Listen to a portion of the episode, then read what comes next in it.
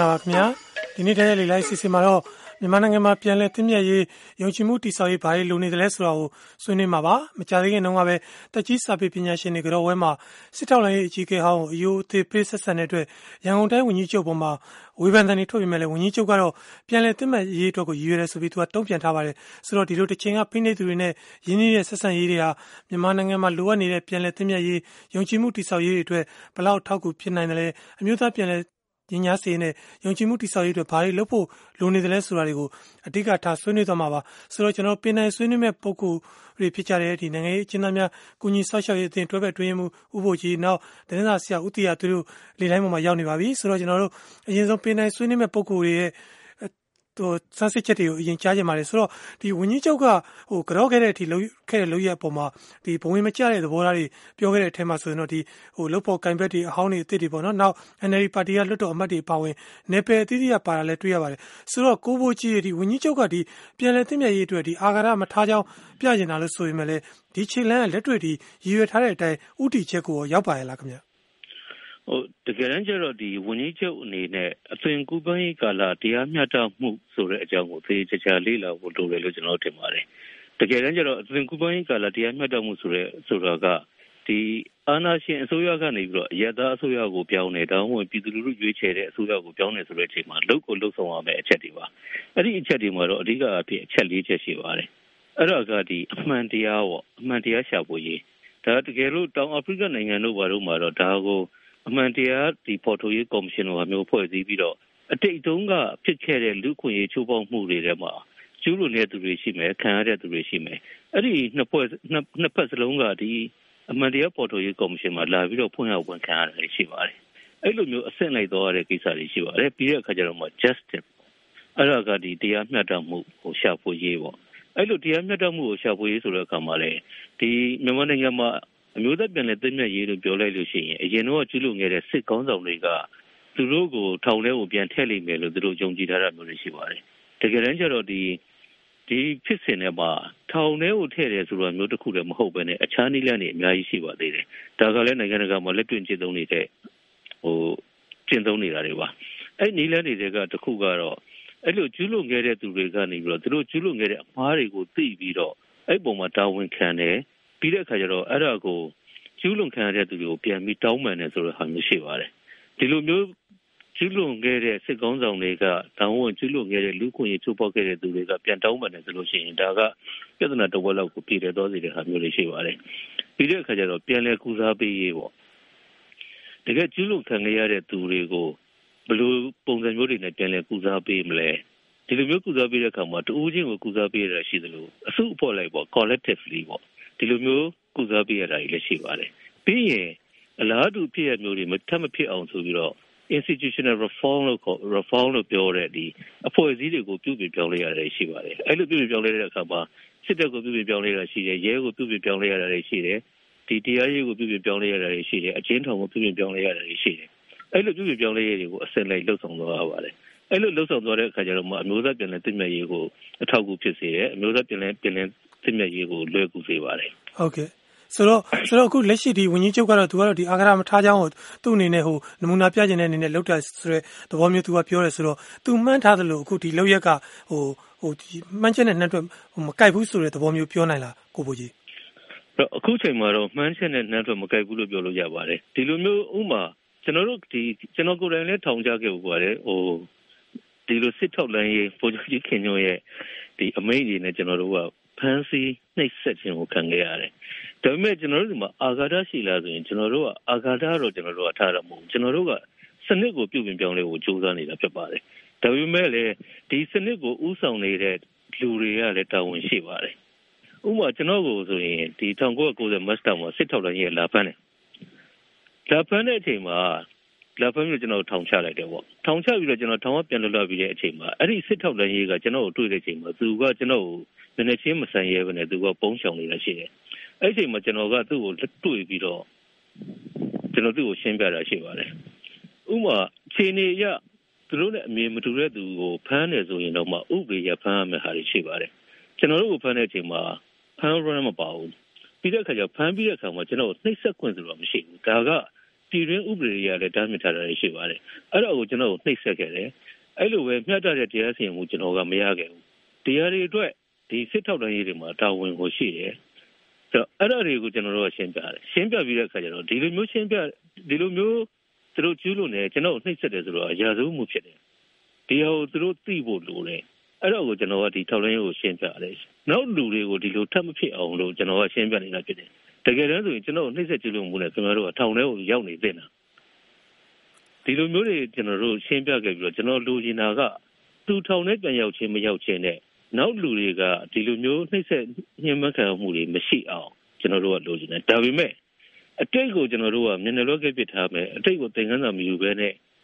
ဆိုလို့ရှိရင်ကျွန်တော်တို့ပြစ်စုံပံဘလို့မကောင်းနိုင်ဘူးမဟုတ်ဘူးဒါကြောင့်မလို့လေဒီပြစ်စုံပံမှာလည်းနှိမ့်ဆက်ညှဉ်းပန်းမှုတွေကခြေခြေပြည့်ပြည့်ဖြစ်နေတယ်အဲ့လိုနှိမ့်ဆက်ညှဉ်းပန်းမှုကိုကျူးလွန်တဲ့သူတွေကရဲတွေလည်းပါတယ်စစ်သားတွေလည်းပါတယ်တခြားလက်နက်ကန်တပ်ဖွဲ့တွေလည်းပါပါတယ်ဟုတ်ကဲ့ဒီဟာကိုကျွန်တော်တို့အများဆုံးကြက်တောက်မှုလုပ်ပါတယ် ဟုတ်ကဲ့ဆိုတော့ကိုတီယာသွေးရဲ့သဘောထားခင်ဗျာအခုကျွန်တော်တို့ကအခုဒီပြန်လည်သိမြတ်ရေးဆိုတဲ့အပိုင်းမှာပေါ့နော်ဒီမကြသေးခင်ကဒီဝင်းကြီးရန်ကုန်တိုင်းဝင်းကြီးချုပ်ကဟိုလောက်ရက်ပုံမှာလည်းအဓိကခြေခံတက်ပြီးတော့ဟိုဒီကိစ္စဆွေးနွေးဖို့လည်းဖြစ်လာဆိုတော့ကိုတီယာသွေးအနေနဲ့ရောအခုဒီကျွန်တော်တို့ဒီပြီးခဲ့တဲ့ဒီရန်ကုန်တိုင်းဝင်းကြီးချုပ်ကဒီအခမ်းအနားမှာဒီထောက်လိုင်းအကြီးကဲဟောင်းကိုကြောခဲ့တဲ့ကိစ္စနဲ့ပတ်သက်လို့သူကတော့ဒီအာဂရမထားကြောင်းပြကျင်တာဆိုပြီးတော့သူကဒီရွေချက်နဲ့ပါဆိုပြီးတော့ဖြည့်ရှင်းချက်ထုတ်ပါတယ်ဆိုတော့ ဒီသူရီမှန်းထားတယ်လို့ပေါ့လေဒီအာဂရမထားချောင်းကိုပြတ်သားရတကယ်ပဲရောက်ခဲ့သလားဟိုတကယ်သူမှန်းထားတယ်လို့မျှော်လင့်ထားတယ်လို့ဖြစ်တယ်လို့ဆိုနိုင်သလားခင်ဗျာ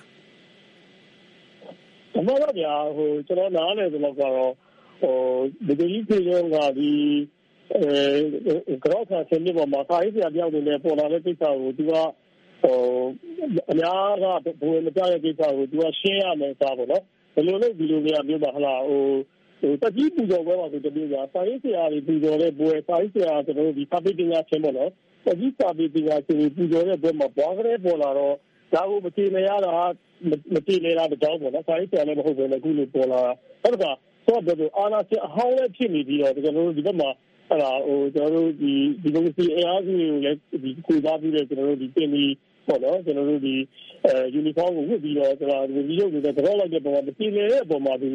ကမန်းကဖြည့်ရှင်းလို့ဖြစ်နေတယ်ကြာအမှန်တော့ဟိုအဆက်ဆက်လည်းတခုတည်းတခုရှိဘူးကြာဟိုဒါကဟိုအာဃာကဖြည့်ရှင်းတော့ဘွယ်လည်းမဟုတ်ဘူးဆိုတော့ဟိုတတိတကြရှင်းလာဖို့ကျွန်တော်ကျုံကျုံရှင်းလိုက်တယ်လို့ကျွန်တော်နားလဲတယ်ဟိုဒါကတကယ်တော့အာဃာကဖြည့်ရှင်းတယ်အာဃာကဖြည့်လျှော့တယ်ကျွန်တော်တို့ရင်သားစီဟုတ်တယ်ဆိုလို့ရှိရင်တော့ကိုကိုကြီးရောတော့ကျွန်တော်တို့မှာဒီမှန်ချက်တွေရှိရမယ်အဲ့တော့လေ့လာသုံးသပ်မှုရှိပြီးတော့ကျွန်တော်တို့ ဘယ်ဘယ်ဒီဒီကျတော့ကျွန်တော်တို့ဟိုဘလောက်လုပ်လို့ရပြီညာစီကိုဘယ်ဆက်ပြီးလုပ်မယ်အားလုံးကိုကျွန်တော်တို့ကဒါဟိုတက်ဆန်ပြီးတော့မှအားလုံးကိုအသိပေးပြီးတော့မှရင်သားစီဆိုတာကျွန်တော်တို့ကဟိုတတိုင်းတဲ့ဒီအုပ်စုတစ်ခုတော့ကနေဒီရချက်ထားပြီးပြောတာတစ်ဖက်တည်းလည်းလုပ်လို့မရအောင်ကြောက်တည်းလည်းလုပ်လို့မရအောင်ဒီရင်သားစီဆိုတာလမ်းသွားတဲ့ကျုံကျုံလုံးလုံးရတဲ့ကိစ္စလည်းမဟုတ်ဘူးကြအဲ့ဒါကဟိုအရေးကြီးတဲ့အချက်တစ်ခါပါလဲဆိုတော့ဟိုကျွန်တော်တို့ရင်သားစီရေးလုပ်တယ်လူသားပြန်လဲစစ်နေရေးလုပ်တယ်ဆိုတာကအမှန်တော့တစ်ဖက်နဲ့တစ်ဖက်ဟိုမနိုင်လို့ကျွန်တော်တို့ တစ်ဖက်ကိုတစ်ဖက်ဟိုအပြတ်ချင်းလို့မနိုင်တော့ဘူးကျွန်တော်တို့ရေးရတဲ့လမ်းလမ်းမှာဖြစ်တယ်ပြောရတယ်နော်။နိုင်ရင်တော့ဟိုလောက်ကြမှာပဲ။ကျွန်တော်ဖြစ်တော့လားသုံးလေးကျော်လောက်ဖြစ်လာတဲ့အခါကျတော့ကျွန်တော်တို့တစ်ဖက်ကိုတစ်ဖက်အပြီးကကျွန်တော်ရှင်းနိုင်တဲ့ဒီကားမရှိဘူး။ကိုယ်တော့မှဖြစ်နေတယ်ဆိုရင်အယူဆပါအားကောင်းတော့ကျွန်တော်ရင်ရားပြေကျွန်တော်တို့អော်ကြတာလေ။ဆိုတော့ကျွန်တော်တို့အဲ့ဒီလိုမျိုးရင်ရားပြေဘက်ကိုပြီးပြလိုက်တဲ့အဖြစ်လည်းကြည့်သေးတယ်။တကယ်ပဲရင်ရားပြေကျွန်တော်တို့ကမဆောင်နိုင်ဘူး။အခုပဲကျွန်တော်တို့ကဟို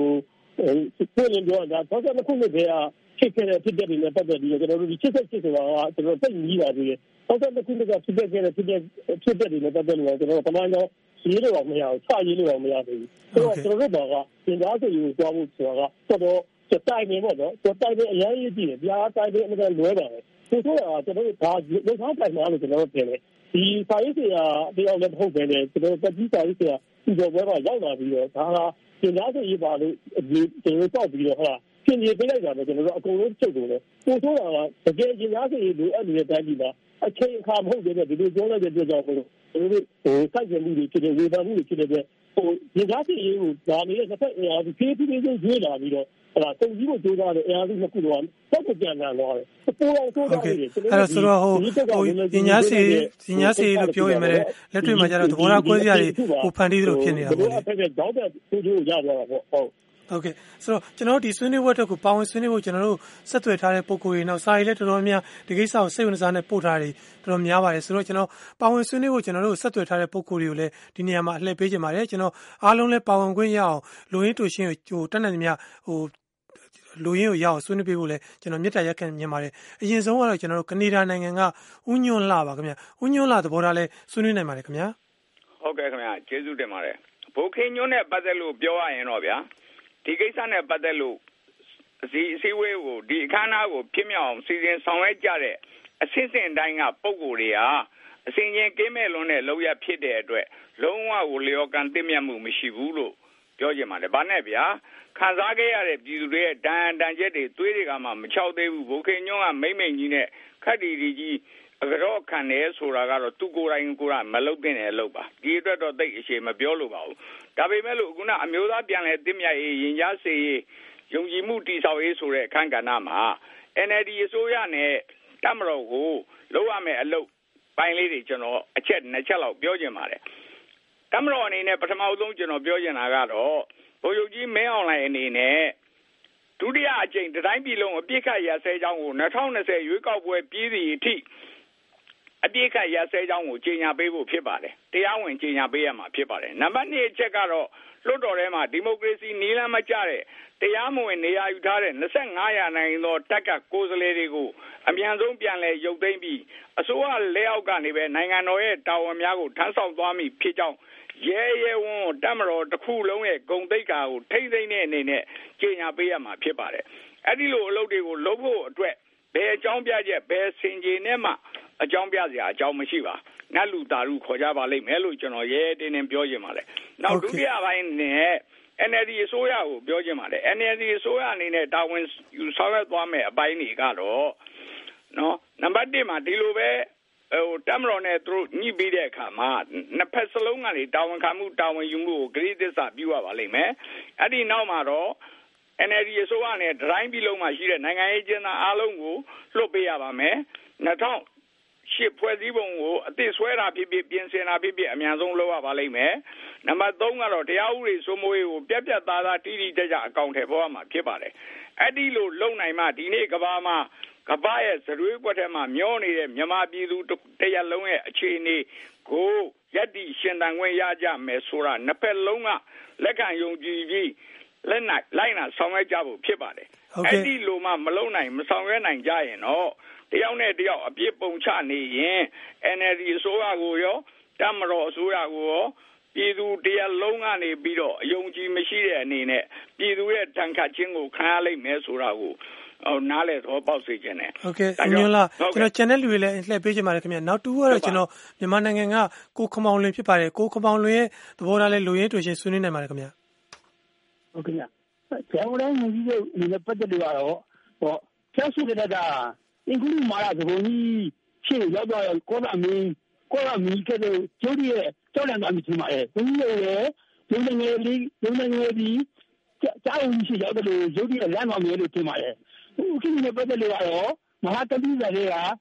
ဖျားလောင်းရောင်မင်းကဒီကအလောင်းကိုဟိုပြောလို့အော်ဒီလိုဒီလိုရှိပါသေးတာဆိုပြီးတော့တောင်းရကြမ်းကြတယ်။ ဒီအစင်းရရေးဆိုကောင်းနေတော့အခု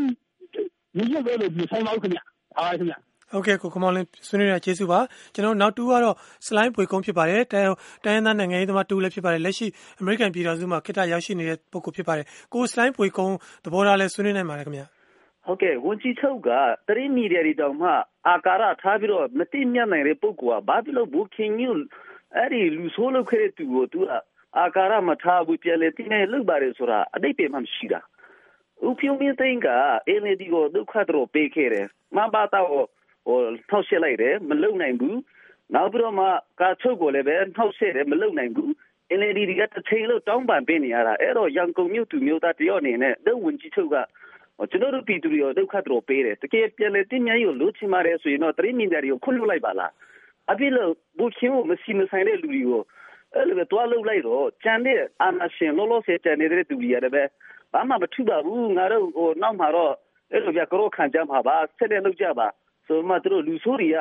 သူတို့ရည်ရင်လာမှာပေါ့အဲ့ဒါကြောင့်ဒီလောက်ရကကျွန်တော်ဟိုပီတူတယောက်အနေနဲ့တကယ်ဟိုဘဝမကြတာတော့အမှန်ပါပဲဆရာ ဟုတ်ကဲ့ကိုစလိုင်းဘွေကိုဆွေးနွေးရကျေးဇူးပါကျွန်တော်တို့ Facebook ကနေမှတ်ချက်တွေပို့ထားလည်းရှိပါတယ်တူကတော့ညီညီဆိုတဲ့အကောင့်ဖတ်ရှင်မှာသူကတော့အပြူသဘောဆောင်ခြင်းဖြင့်ဆွေးနွေးတွေ့ဆုံတာကောင်းပါတယ်နိုင်ငံနဲ့ပြည်သူအကျိုးတည်ဖို့တဲ့မြစ်တိလောက်ရဲ့မြည်သူမဆွကျေးဇူးပါတယ်အားပေးပါတယ်အဖိနိကံဘဝမှာလွတ်ချင်ပါပြီတဲ့နောက်တူကတော့ Sunny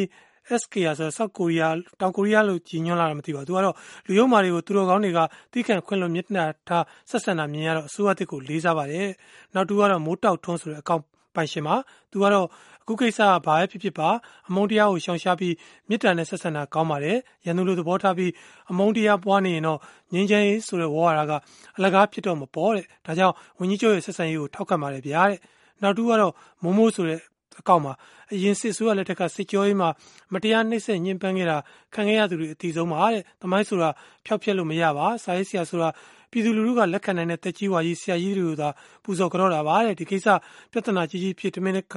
အကွက်စမီဖန်တီးတာစာရေးဆရာချင်းချင်းတက်ရှုပ်ပြီးစိတ်ဝမ်းကွဲအောင်ရန်ကုန်တိုင်းဝန်ကြီးချုပ်ကိုထင်မြင်သေးအောင်တိတ်ခါကြအောင်ဖန်တီးတဲ့လောက်ွက်ပါတဲ့ဝန်ကြီးချုပ်ဟာအပြုံးမပြတ်မြစ်တာတဲ့နဲ့အောင်နိုင်သူပါဆိုပြီးရေးပါတယ်ကျန်တဲ့စာတချို့လည်းမဆုမွန်ဖတ်ပြပေးပါလားခင်ဗျာဟုတ်ကဲ့ပါရှင်အာကျွန်မထင်တာတော့ဒီကျန်းကူဝေကြံကြောင်းလို့ထင်ပါတယ်အဲ့ဒီအကောင့်ကတော့အာဃာရတွေထားတင်မုံမချေ တပြန်တလဲ လက်စားချေနေကြရင်တော့တဲ့အစိုးတန်နေရကထက်ခါထက်ခါလဲနေတော့မပေါ်တဲ့ ကွီးဖြိုးရဲ့လောက်ရက်က ဒီမိုကရေစီအရွေ့အတွက် သိကောင်းပါတယ်လို့ ရေးထားပါတယ် ဒေါက်တာခမ်ချွန်းကတော့ ပြန်လည်တည်မြဲရေး ယုံကြည်မှု တည်ဆောက်ရေးမှာ အထောက်အကူဖြစ်ပါတယ်ခမရတဲ့ ဒီမိုကရေစီ အသွင်ကူးပြောင်းရေးမှာ ကြုံတွေ့နေရတဲ့ အတားအဆီး အနှောက်အယှက်တွေက အာဏာရှင်လက်ဟောင်းတွေရဲ့ စိတ်မလုံးကြုံတာကနေ စတင်နေတာပါတဲ့ဘလို့ဖိအားတွေကြောင့်ပဲဖြစ်ဖြစ် အာဏာရှင်အဟောင်းတွေက Democratic Society ထူ ထောင်မှဖြစ်မယ်လို့ ဆုံးဖြတ်ခဲ့လို့သာ ဒီနေ့လို နိုင်ငံရေးအခင်းအကျင်းကို ရောက်လာတာပါတဲ့ ဒါပေမဲ့ အရင်တုန်းကသူတို့ ဖိနှိပ်ခဲ့တဲ့သူတွေက လက်စားပြန်ချေမလား ဒါမှမဟုတ် ပြည်သူတွေက သူတို့ကို လက်စားပြန်ချေမလား သူတို့ရဲ့အသက်အိုးအိမ်စည်းစိမ်ထိပါးမှာလားဆိုတဲ့စိုးရိမ်ချက်တွေနဲ့စိတ်မလုံခြုံမှုတွေခံစားနေရပါတယ်တဲ့အမေစုကအာဃာတမထားပါနဲ့လက်စားမချေတင်မုံချေမယ်လို့ပြောခဲ့ပြပြီးပါပြီတဲ့အခုကွီးဖြိုးကထပ်မံပြသတဲ့အတွက်တိုင်းပြည်ရဲ့ရှေ့ရေးအတွက်သိကောင်းပါတယ်တဲ့အာဃာတမထားလက်စားမချေတင်မုံချေမယ်ဆိုတာကိုပြည်သူတွေဘက်ကများများပြနိုင်မယ်ဆိုရင်အာဏာရှင်အဟောင်းတွေကစိတ်လုံခြုံမှုရလာမှာဖြစ်ပြီးတော့စိတ်ရဲ့လုံခြုံမှုလုံးဝရသွားတယ်ဆိုရင်တော့ ခြေဥပြင်နိုင်တဲ့အထိအဆင်ပြေသွားနိုင်မယ်ထင်ပါတယ်ဆိုပြီးရေးထားပါတယ်ရှင်ဟုတ်ကဲ့ဒီစာအများစုကတော့ဒီဝင်းကြီးချုပ်ရဲ့လုပ်ရပုံမှာထောက်ထောက်ခံတဲ့သဘောထားတွေလည်းရှိပါတယ်ဆိုတော့ကိုဘိုကြီးရဲ့ဒီတစ်ချိန်ကတလို့ပေါ့လေဖိနှိပ်သူနဲ့ဖိနှိပ်ခံကြမှာတင်မုံချေဖို့လို့အာဂရမထားဖို့ဆိုတဲ့ဟာမျိုးတွေကဟိုဟိုတော်တော်များပြောတဲ့တန်တွေလည်း ကျွန်တော်ကြားရရှိပါတယ်ဆိုတော့ဝင်းကြီးချုပ်ရဲ့လုပ်ရစံနမူနာလှုပ်တဲ့နဲ့လုပ်ရဆိုပြီးတော့ဒါကြောင့်တချို့စာတွေလည်းဒီထဲမှာထောက်ပြတာပါဆိုတော့ဒီလိုတင်းမြတ်ရေးအမြင်နဲ့ကြည့်မယ်ဆိုရင်ရောဒီလိုခြေလန်းလန်းလိုက်တာဟိုကိုလက်ခံနိုင်တဲ့ခြေလန်းလို့မယူဆနိုင်ဘူးလားအခုကစောစောတုန်းကကိုတီဟာသွေးထောက်ပြတယ်လို့ပဲတကယ်ဟိုအချိန်ကိုက်မဟုတ်ဘူးဗျဆိုတော့ဒီအသွင်ကူပြောရေးကာလတရားမျှတမှုရှာဖွေရေးဆိုတဲ့ဟာကလုတ်ကိုလုတ်အောင်မှာဖြစ်ပါတယ် ဆိုတော့အဲ့လိုလုတ်တဲ့အခါမှာစောစောတုန်းကကျွန်တော်ပြောခဲ့သလိုအစစ်လိုက်အစစ်လိုက်လုတ်ရမယ့်အရာတွေရှိတယ်အဲ့ဒီအစစ်လိုက်အစစ်လိုက်လုပ်ရမယ့်အခါမှာအစိုးရကထင်ရင်ထင်တဲ့အချိန်မှာလှုပ်ချင်တဲ့အချိန်မှာလှုပ်ချင်တယ်လို့လှုပ်လိုက်တာမျိုးလှုပ်လို့မရဘူးတခြားတကယ်ဟိုခြေခြေပြက်ပြက်နဲ့ခံခဲ့ရတဲ့သူတွေကလည်းတူနဲ့တည်းဖြစ်ပါတယ်အဲ့ဒီခံခဲ့ရတဲ့သူတွေရဲ့အတန်တွေလည်းပါဖို့လိုတယ်ပြီးတော့အစိုးရကခံခဲ့ရတဲ့သူတွေကိုကိုစားမပြုဘူးဒီဟာကတကယ်လို့သင်ပုံးချေတာပဲဖြစ်ဖြစ် လက်စားချေတာပဲဖြစ်ဖြစ်အဲ့လိုပြောနေကြတဲ့စကားလုံးတွေကလည်းအသွင်ကူးပိုင်းကာလတရားမျှတမှုရှာဖွေရေးရဲ့အမျိုးသားပြည်နယ်သိပြရေးရဲ့ကိုနားမလည်တဲ့သူတွေကလက်စားချေမယ်လက်စားချေမယ်ဆိုပြီးတော့ပြောနေကြတဲ့ဟာမျိုးတွေဖြစ်ပါတယ်တကယ်တော့အသွင်ကူးပိုင်းကာလတရားမျှတမှုရှာဖွေရေးဆိုတာကလက်စားချေရေးမဟုတ်ဘူးအတိတ်တုန်းကကျူးလွန်ခဲ့ကျူးလွန်ခဲ့တဲ့သူတွေနဲ့ကျူးလွန်ခံရတဲ့သူတွေကြားထဲမှာသဟဇာတာဖြစ်ဖြစ်နဲ့ပြန်လည်ပေါင်းစည်းနေထိုင်နိုင်ရေးဆိုတာပဲဖြစ်တယ် အခုကအဲ့လိုမဟုတ်ဘဲနဲ့အတိတ်ကကျူးလွန်ခဲ့တဲ့သူတွေကိုလက်ရှိရှိနေတဲ့အာဏာရဝန်ကြီးချုပ်တရားရောက်ကဒီတိုင်းပဲထိုင်ကြတော့တာကအမျိုးသားပြန်လည်သိမြတ်ရေးဆိုတဲ့ကောင်းအောင်ကိုထည့်တယ်ဆိုတာကတကယ်ကိုဟိုမှန်ကန်တဲ့လုပ်ရမဟုတ်ဘူးမှန်ကန်တဲ့စင်ကြီးမဟုတ်ပါဘူးတကယ်တမ်းဒီလိုလုပ်ရမျိုးတွေဖြစ်လာစေဖို့ဆိုလို့ရှိရင်စကားလုံးကကျွန်တော်ပြောခဲ့တဲ့အဆင့်လိုက်အဆင့်လိုက်ကိုအစိုးရအနေနဲ့ကချပြဖို့လိုပါတယ်ဒါဘာတွေလုပ်မယ်ဘယ်သူတွေပါမယ် တကယ်တမ်းဖြစ်နိုင်တယ်ဆိုလို့ရှိရင်အမှန်တရားကော်မရှင်လိုဟာမျိုးဖွဲ့စည်းပြီးတော့လုပ်ရမယ့်ကိစ္စပါဒီလိုမျိုးလက်လွတ်စပယ်လုပ်လို့တော့ကျွန်တော်တို့မအောင်မြင်နိုင်ဘူးလို့ပဲပြောရမှာပါဟုတ်ကဲ့ကျေဆွေးနွေးတာကိုဘိုကြီးကျေးဇူးပါဆိုတော့ကျွန်တော်တို့ဒီဆွေးနွေးပွဲအတွက်ကိုစာရေးသားပေးပို့ထားတဲ့တချို့လဲအဲရှိနေပါသေးတယ်အရင်ဆုံးကတော့ကျွန်တော်တို့ American ပြောဆိုမောင်တသနာရဲ့ပေးစာပါကိုရန်နိုင်မဲ့ဖတ်ပြပေးပါခင်ဗျမျိုးသားပြန်လည်တည်မြဲရေးနဲ့ယုံကြည်မှုတည်ဆောက်ရေးမှာတစ်ချိန်ကဖိနှိပ်သူတွေပဲဖြစ်ဖြစ်အဖိနှိပ်ခံတွေပဲဖြစ်ဖြစ် တိုင်းပြည်နဲ့ လူမျိုးအတွက် အကျိုးရှိမယ်ဆိုရင် ရင်းနှီးတဲ့ ဆက်ဆံရေးတွေ ရှိသင့်တယ်လို့ ယူဆမိပါတယ် သို့သော် နှစ်ပေါင်းများစွာ စာပေဗဟုသုတ အမှောင်ကမ္ဘာထဲ ပိတ်လှောင်ခံထားတဲ့ ပြည်သူတွေကို စာနယ်ဇင်းကင်ပေတိုင်တွေ ထိန်းချုပ်တဲ့ကြားထဲက စာပေဗဟုသုတ အလင်းရောင်တွေပေးခဲ့တဲ့ သက်ကြီးစာပေရှင်တွေကို အရိုသေ ပေးကန်တော့ကြတဲ့နေရာမှာ ထင်ရှားတဲ့ စာရေးဆရာလည်း မဟုတ်တဲ့အပြင် စာပေပညာရှင်တွေနဲ့ နိုင်ငံရေးလှုပ်ရှားသူ အများအပြားကို နည်းမျိုးစုံနဲ့ ညှဉ်းပန်းနှိပ်စက်ခဲ့တဲ့ စစ်ခေါင်းဆောင်ဟောင်းတယောက်ကို စာပေပညာရှင်ကြီးတွေနဲ့ တတန်းတည်းထား အရိုအသေပေးတာကတော့ လုံးဝမဖြစ်သင့်ဘူးလို့ ယူဆမိပါတယ်။ဘာကြောင့်လဲဆိုရင် ဒီပွဲက ပြည်သူတွေ လေးစားကြည်ညိုကြတဲ့ စာပေပညာရှင်တွေကို ကန်တော့တဲ့ အခမ်းအနားပါ။အမျိုးသားပြန်လည်သင့်မြတ်ရေး အကြိုဆွေးနွေးပွဲ အခမ်းအနား မဟုတ်ပါဘူး။အကယ်၍အဘဦးဝင်းမြင့်များ သက်ရှိထင်ရှား ရှိနေခဲ့ရင် တွေးတောင် မတွေးဝံ့တော့ပါဘူး။ရှင်းရှင်းပြောရရင် ပြန်လည်သင့်မြတ်ရေးနဲ့ ယုံကြည်မှု တည်ဆောက်ရေးအတွက် စစ်တပ်က အစိုးရအုပ်ချုပ်မှုအောက် နိုင်ငံဝန်ထမ်းကောင်း ပီပီ ဂုဏ်သိက္ခာရှိရှိ နေပြလိုက်ပါ။တပ်မတော်ခေါင်းဆောင်တွေအပေါ် ယုံကြည်မှုတွေ တိုးပွားလာနိုင်သလို ငြိမ်းချမ်းရေးဆွေးနွေးပွဲတွေမှာ အစိုးရနဲ့ တိုင်းရင်းသားလက်နက်ကိုင်တွေ တိုက်ရိုက်ဆွေးနွေးခွင့် လမ်းကြောင်းတွေ ပွင့်သွားနိုင်ပြီး ယုံကြည်မှုရှိရှိ ဆွေးနွေးနိုင်လာကြလိမ့်မယ်လို့ ယူဆမိပါတယ်။နောက်ပြီး ဖက်ဒရယ်ပြည်ထောင်စုအတွက် မလွဲမသွေ ပြင်ဆင်ရမယ့် အခြေခံဥပဒေပြင်ဆင်ရေး များစွာ အထောက်အကူ ဖြစ်လာနိုင်ပါကြောင်း ဆွေးနွေးလိုက်ရပါတယ်ဗျာ။ ဟုတ်ကဲ့ဒါကတော့အမေရိကန်ပြည်ထောင်စုကမောင်ဒဿနရဲ့ပေးစာပါ။ကျွန်တော်ဒီမှာနောက်ထပ်စာတချို့လည်းရှိနေပါတယ်။တယောက်ကတော့ကျွန်တော်ကပမနဖိုးကြီးပါတဲ့ဒီကိစ္စမှာတော့ကွီးဖြိုးမှားပါတယ်တဲ့သူကတော့ဒီဝန်ကြီးချုပ်ဦးဖြိုးမင်းသိန်းကိုရည်ရွယ်ရည်ညွှန်းပြီးပြောထားတာပါခွင့်လွှတ်ပေးလိုက်ရပေမဲ့ဂါရဝပြုရမယ့်အထက်မှာဗိုလ်ခင်ညွန့်တို့လိုတိုင်းပြည်တစ်ခုလုံးကိုစနစ်တကျရုံမှာဖြစ်စည်းသူတွေမပါပါဘူးတဲ့ရိုသေထက်သူရိုသေရမှာအမှန်ဆုံးပါတဲ့ခွင့်လွှတ်ရပေမဲ့မမေ့သင့်ပါဘူးတဲ့ဒီမိုကရေစီအရေးတော်ဝန်ကြီးရဲ့သွေးတွေမခြောက်သေးပါဘူးဝိညာဉ်တွေမကျွတ်သေးပါဘူးဆိုရေးပါတယ်သူကတော့ နောက်တူကတော့ airline ဆိုတဲ့ ပုံကိုပါ သူကတော့ ဖြိုးမင်းသိန်းဟာတဲ့အာနာစစ်အာဏာရှင်ဟောင်း ခင်ညွန့်ကိုအယိုသေးပေး ဆက်ဆံတာသူ့ရဲ့ ပုံကိုရေးအရလို့ ကျွန်တော်မြင်ပါတယ် ဒါပေမဲ့ စာရေးဆရာ အသင်းဝင်တူလို့အယိုသေးပေး စာရေးဆရာလို့ သတ်မှတ်ရင်တော့ မြန်မာနိုင်ငံ စာရေးဆရာကိုရော ပြည်သူတွေရဲ့ မျက်နှာကိုပါ အိုးမဲ့တုတ်တယ်လို့ဖြစ်နေပါတယ်တဲ့အမျိုးသားပြန်လည်တင့်မြတ်ရေးမှာလည်း မယောင်ရာစီလူးတဲ့လူတွေ တော်တော်များနေလို့ အမျိုးသားပြန်လည်တင့်မြတ်ရေး အချိန်ကြာနေရတာ ဖြစ်ပါတယ် ဆိုပြီး ရေးထားပါတယ် နောက်စာတချို့လည်း ရှိပါသေးတယ် မဆုမွန် ဖတ်ပြပေးပါခင်ဗျ ဟုတ်ကဲ့ပါရှင် ဒီ ခင်ပီကွက်ဆိုတဲ့ဒီအကောင့်ကတော့ ဂလက်စားမချေတဲ့အဆင့်ဆိုရင် ရပြီလေတဲ့ ရှ िख ိုးတာကတော့ များသွားပြီတဲ့ မထွေးဆိုတဲ့အကောင့်ကတော့ မြင့်မြတ်ပြီးတော့ စစ်မှန်တဲ့ တရားအမှန် တကယ် နှလုံးမသွင်းနိုင်ပဲနဲ့အစွန်းရောက်ဝါဒကိုဆွဲမြဲလက်ကင်ထားပြီး အာဏာယူနေစေသူတွေကို ပြန်လဲတင့်မြတ်ရေးတို့ ယုံကြည်မှုတိဆောက်တယ်ဆိုတာကတော့ဘလို့နီးနဲ့မှ မဖြစ်နိုင်ပါဘူးတဲ့